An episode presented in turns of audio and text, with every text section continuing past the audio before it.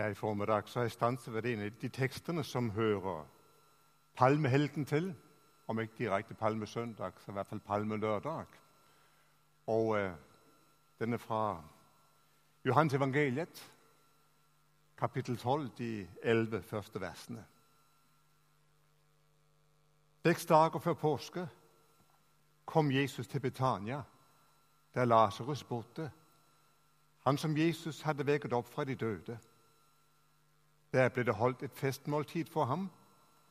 Martha vartet opp, og Lasarus var blant dem som lå til bords sammen med ham. Da kom Maria med et pund ekte kostbar natussalve. Og med den salvet hun Jesu føtter og tørket dem med håret sitt. Hele huset ble fylt av duften. Da sa Judas Iskariot, en av disiplene, han som siden forrådte ham, hvorfor ble denne salven solgt for 300 denarer og pengene gitt til de fattige? Dette sa han ikke fordi han hadde omsorg for de fattige, men fordi han var en tyv. Det var han som hadde kassen, og han pleide å ta av, den, av det som ble lagt i den. Men Jesus sa, 'La henne være.' Hun har spart salven til den dagen det skal begraves. De fattige har dere alltid hos dere, men meg har dere ikke alltid. Det ble kjent i den store mengden av jøder at Jesus var i Betania. Nå kom de dit ikke bare for hans skyld, men også for å se Lasarus, han som han hadde vekket opp fra de døde. Da, overste prest, da la oversteprestene plan om å drepe Lasarus også.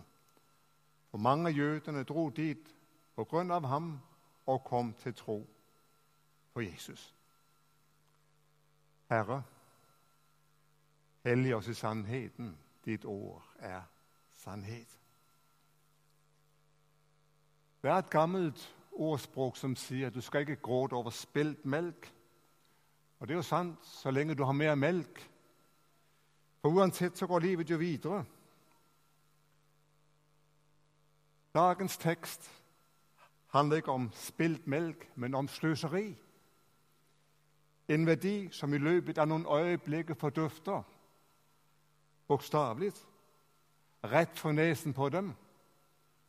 Og det handler om sterke reaksjoner på dette kolossale sløseriet av en stor formue. Vi er i Betania, og det er trengsel i huset de kommer Påsken står for døren. Og man mener at i Jerusalem kunne det samles oppimot en halv million mennesker på denne høytiden. Det var ikke så mange hoteller og herberger å ta inn på, så man bodde hos familier i Jerusalem og i områdene rundt omkring.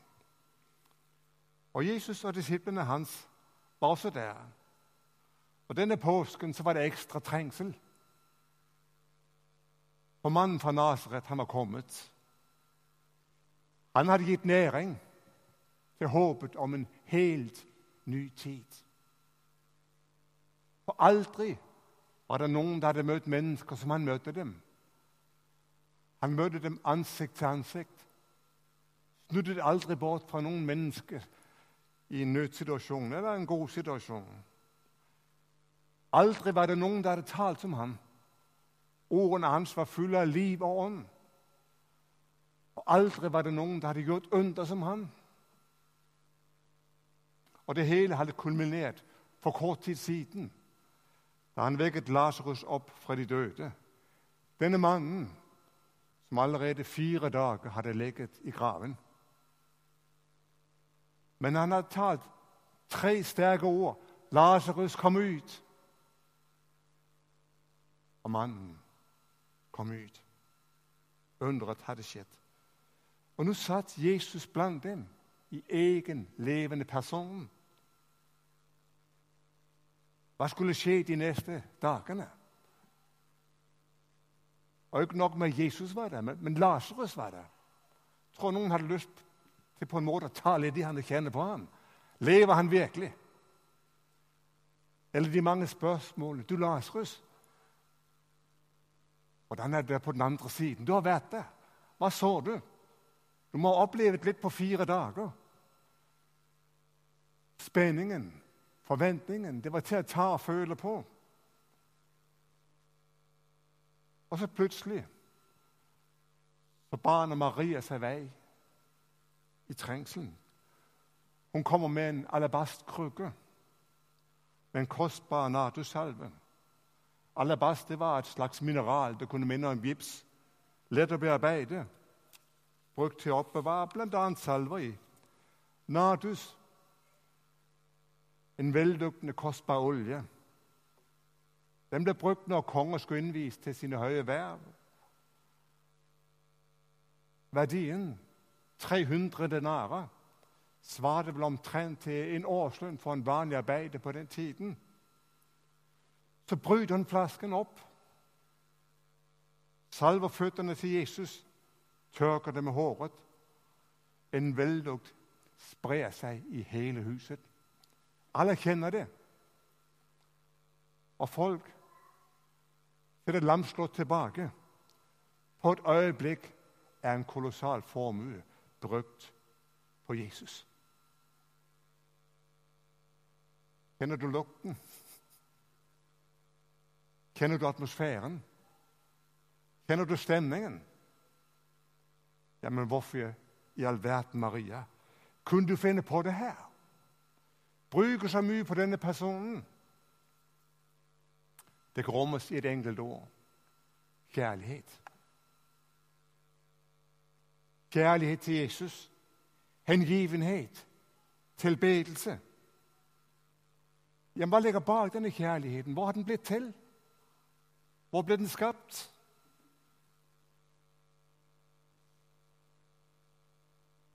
I møtet med Jesus har det alltid vært én naturlig plass for Maria ved Jesu føtter.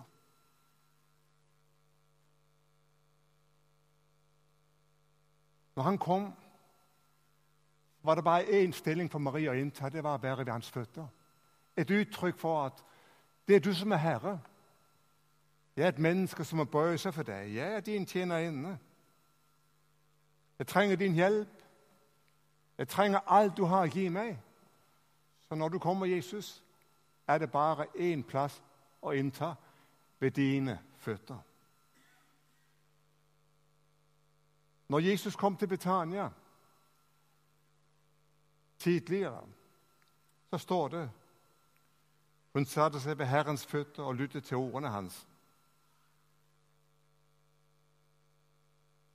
Det var den eneste stilling som var naturlig for henne. Og når han talte, så åpnet hun alle sansene for ordene fra, som kom ut fra munnen hans. Hun sugde det til seg. Og Jesus kalte det ene nødvendig. Det var det hun hadde valgt. Det hadde vært mat for hennes sjel, for hennes ånd. Når han talte, så hadde hun funnet sin Gud, og Gud hadde funnet henne. Så møter vi henne ved Jesu føtter litt senere. I dyp sorg og dyp fortvilelse. Broren Lasarus er død. Og Først er Martha ute og taler med ham, og senere går Maria ut. Så står det Da Maria kom dit og fikk se ham, kastet hun seg ned for føttene hans og sa, 'Herre, hadde du vært her, ville ikke broren min vært død.'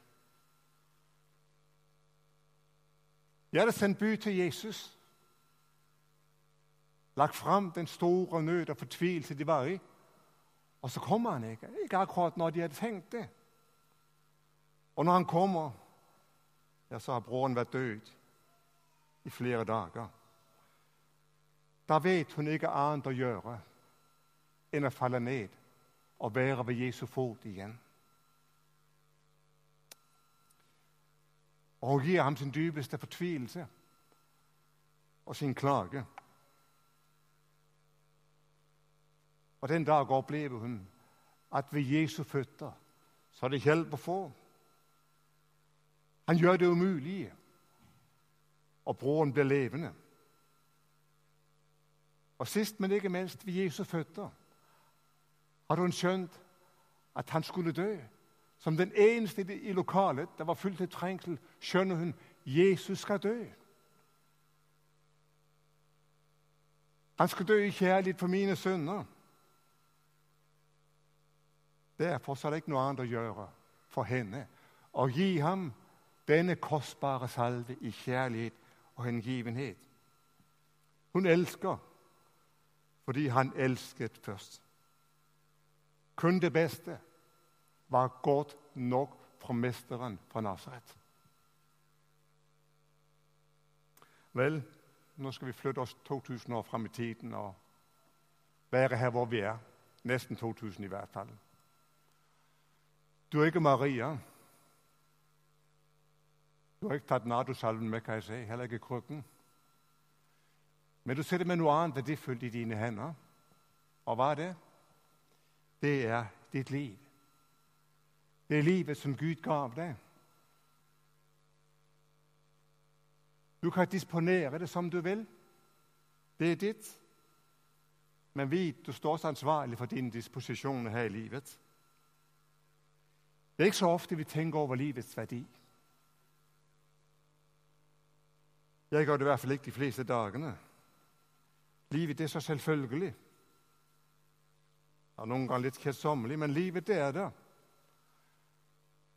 Det er først når vi noen gang står i fare for å miste det, eller vi opplever andre nære kjære miste det, at du begynner å tenke over livets verdi. Ståle Solbakken, kjent fotballspiller og trener,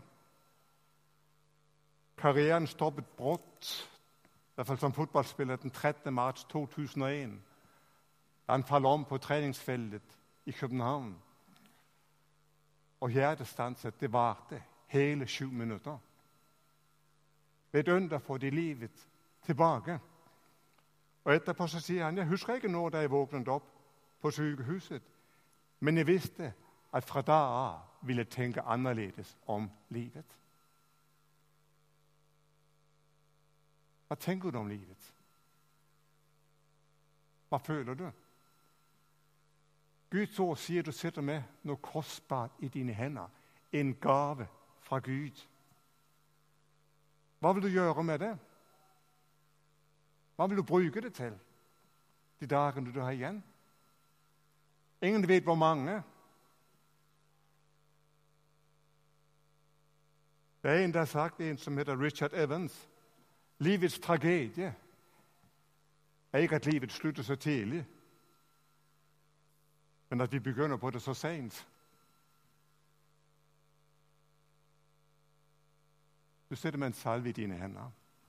Og I dag skal du la deg inspirere av Maria. Du skal ta plass ved Jesu føtter. Ikke rent bokstavelig, men med den innstilling. Det er du som er Herre. Og Herre, jeg ønsker ydmyke, bøye meg for deg og ta imot alt du har å gi meg. Og Det er viktig at vi stanser opp i en tilværelse som i stadig større grad har et økt tempo, hvor stress har blitt en folkesykdom. Prøv å falle til ro innenfor Jesus. Prøv i formiddag å bøye deg og si 'Jesus, her er jeg'. Og nå ønsker jeg å ta imot ordet for deg. Jeg ønsker å høre hva du har på hjertet for mitt liv, for vårt felles liv. Herre, her er jeg. Det er når du faller til ro, at du møter din Gud og blir kjent med ham. Det er når du faller til ro, du finner deg selv. Det er her du får lov å se hvem de andre er, hvor verdifulle andre mennesker er. Det er her du opplever fornyelse. Det er her livets ord skaper liv. Det er her han gir oss råd til å møte livet på den rette måte. For han har kanskje helt andre løsninger for livet enn det denne verden tilbyr oss av råd og veiledning. Helt andre løsninger. Helt andre måter å møte ting på. Ved hans føtter opplever du korsets store kjærlighet. Så stans opp på ny denne påske. Og så sier du jeg ønsker å høre hva Gud har tenkt. Jeg ønsker å høre hva han har å si til meg. For han har alltid et budskap, en hilsen til deg, inn i enhver situasjon. Også denne palmesøndag.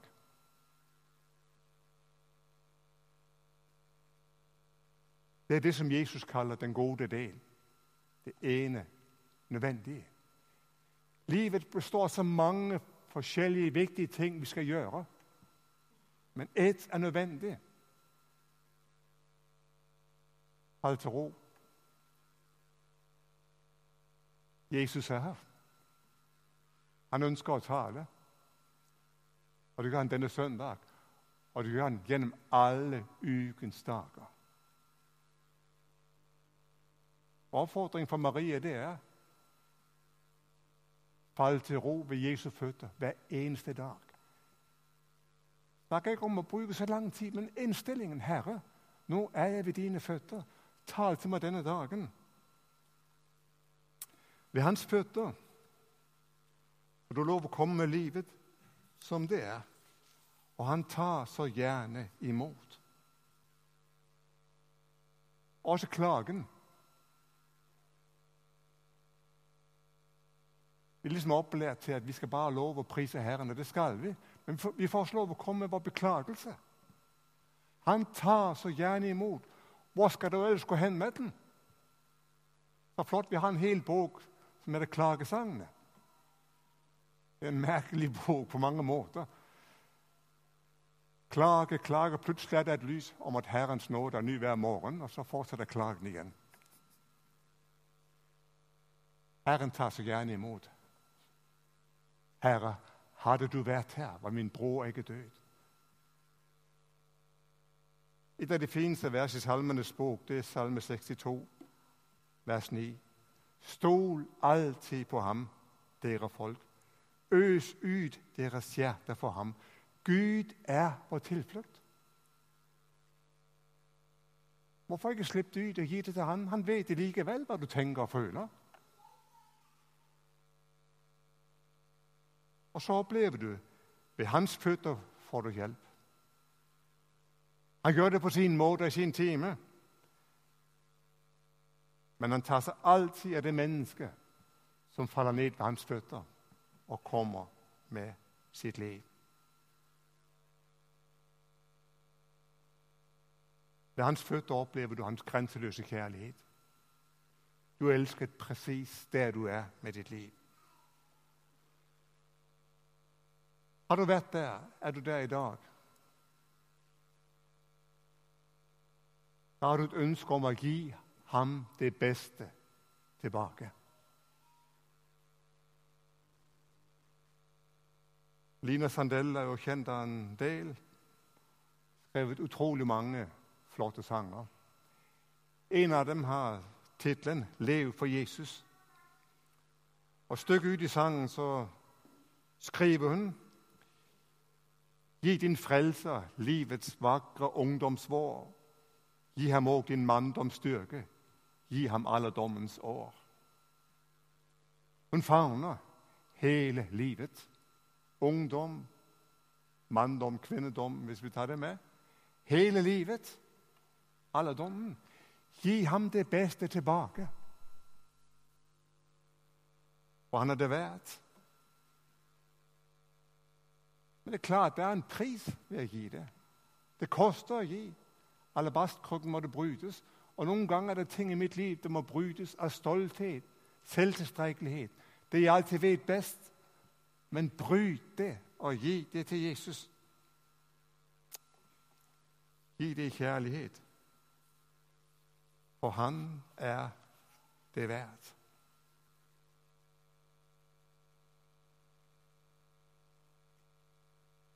Denne kjærlighet,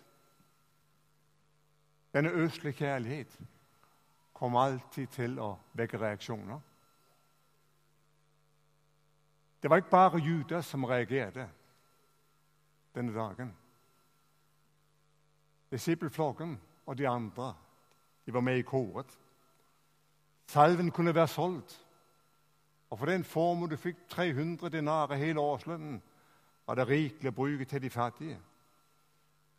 Det kan ikke være sant at dette sentimentale og følelsesbetonte kvinnemennesket skal få lov å sløse store verdier bort på denne måten. Og verst av alt, Jesus tar jo imot det. Øssel kjærlighet kommer alltid til å møte reaksjoner.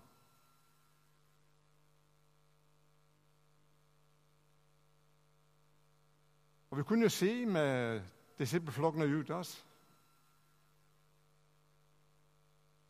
Bruk ditt liv på nødlidende mennesker.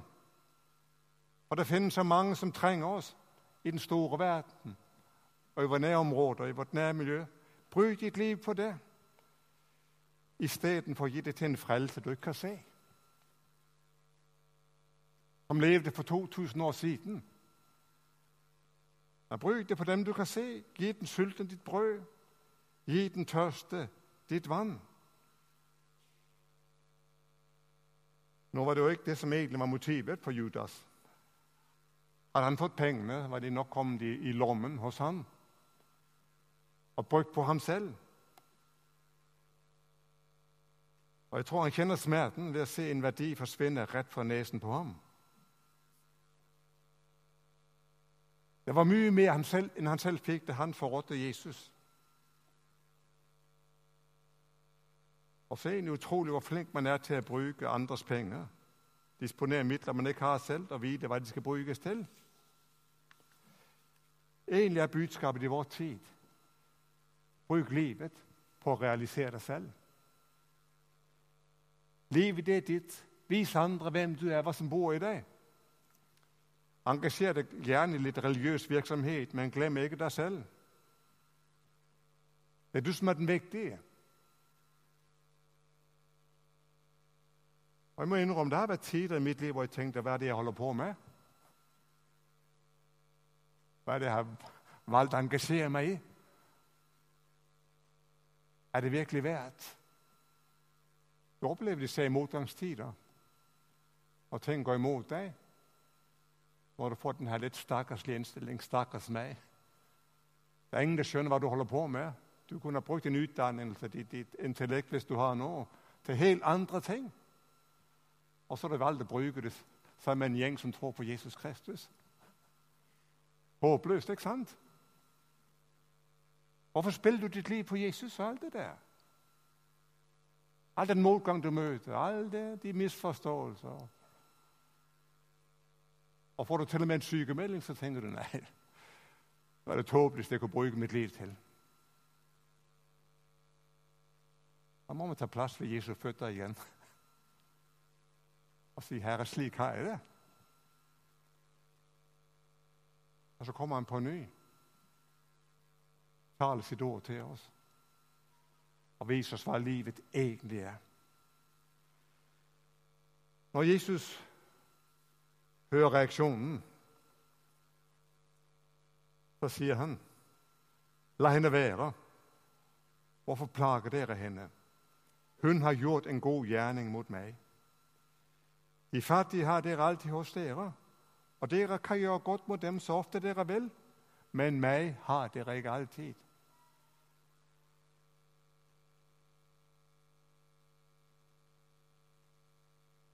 I Markus-versjonen så står det hun gjorde det hun kunne. Hun skal bli omtalt i hele verden som eksempel på denne kjærlighet.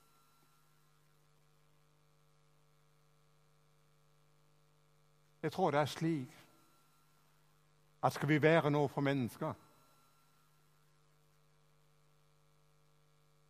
så skal vi gi vårt liv til Jesus først.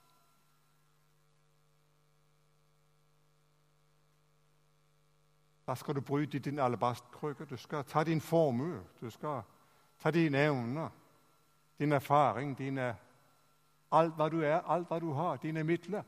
Innvite til Han på ny. sier 'Jesus, jeg ønsker i kjærlighet å gi det til deg.' For du er verdt det. Du som ga ditt liv for meg. Du som gav avkall på en himmelsk herlighet. tok på deg en tjenerskikkelse, ble mennesker lik. Du som bøyde deg dypere når mennesker har falt. Herre, jeg vet ikke om noe bedre enn å gi mitt liv til deg igjen og igjen. Og fantastisk om vi kunne begynne dagen med det, Herre. Også i dag vil jeg gi deg min lovsang, min tilbedelse, mitt liv. Også denne dagen vil jeg innvie meg til deg. Og han tar så gjerne imot. Og ved hans føtter der får du det du trenger for å kunne lindre nød i denne verden. Da opplever du at han velsigner deg, så du kan velsigne andre.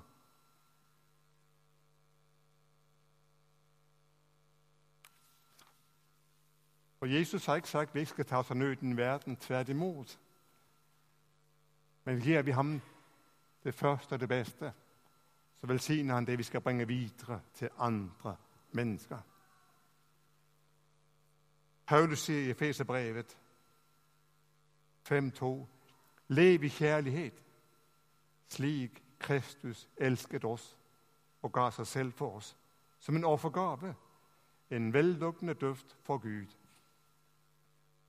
Og så vil du oppleve det merkverdige at når du gir ditt liv som et velluktende offer, en velluktende salve, din natus, så realiserer du for alvor det som bor i deg.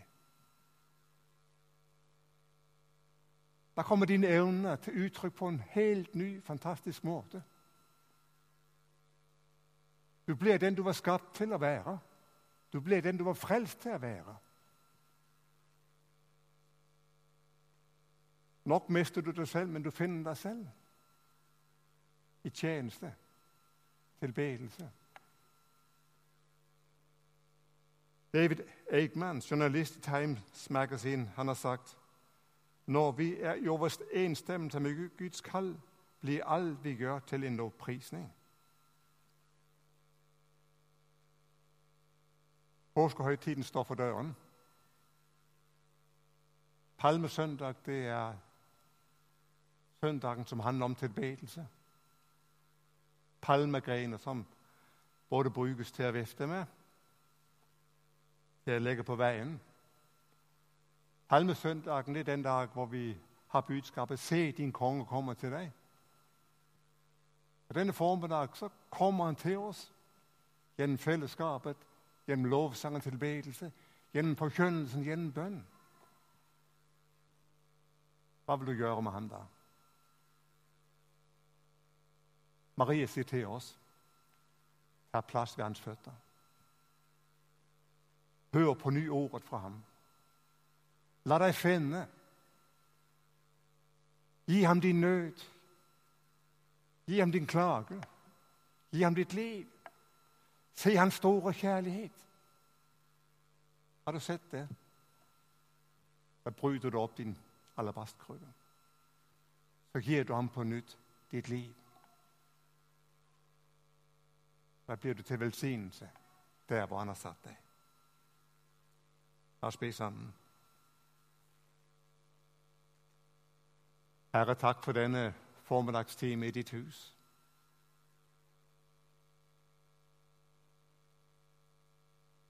Amen.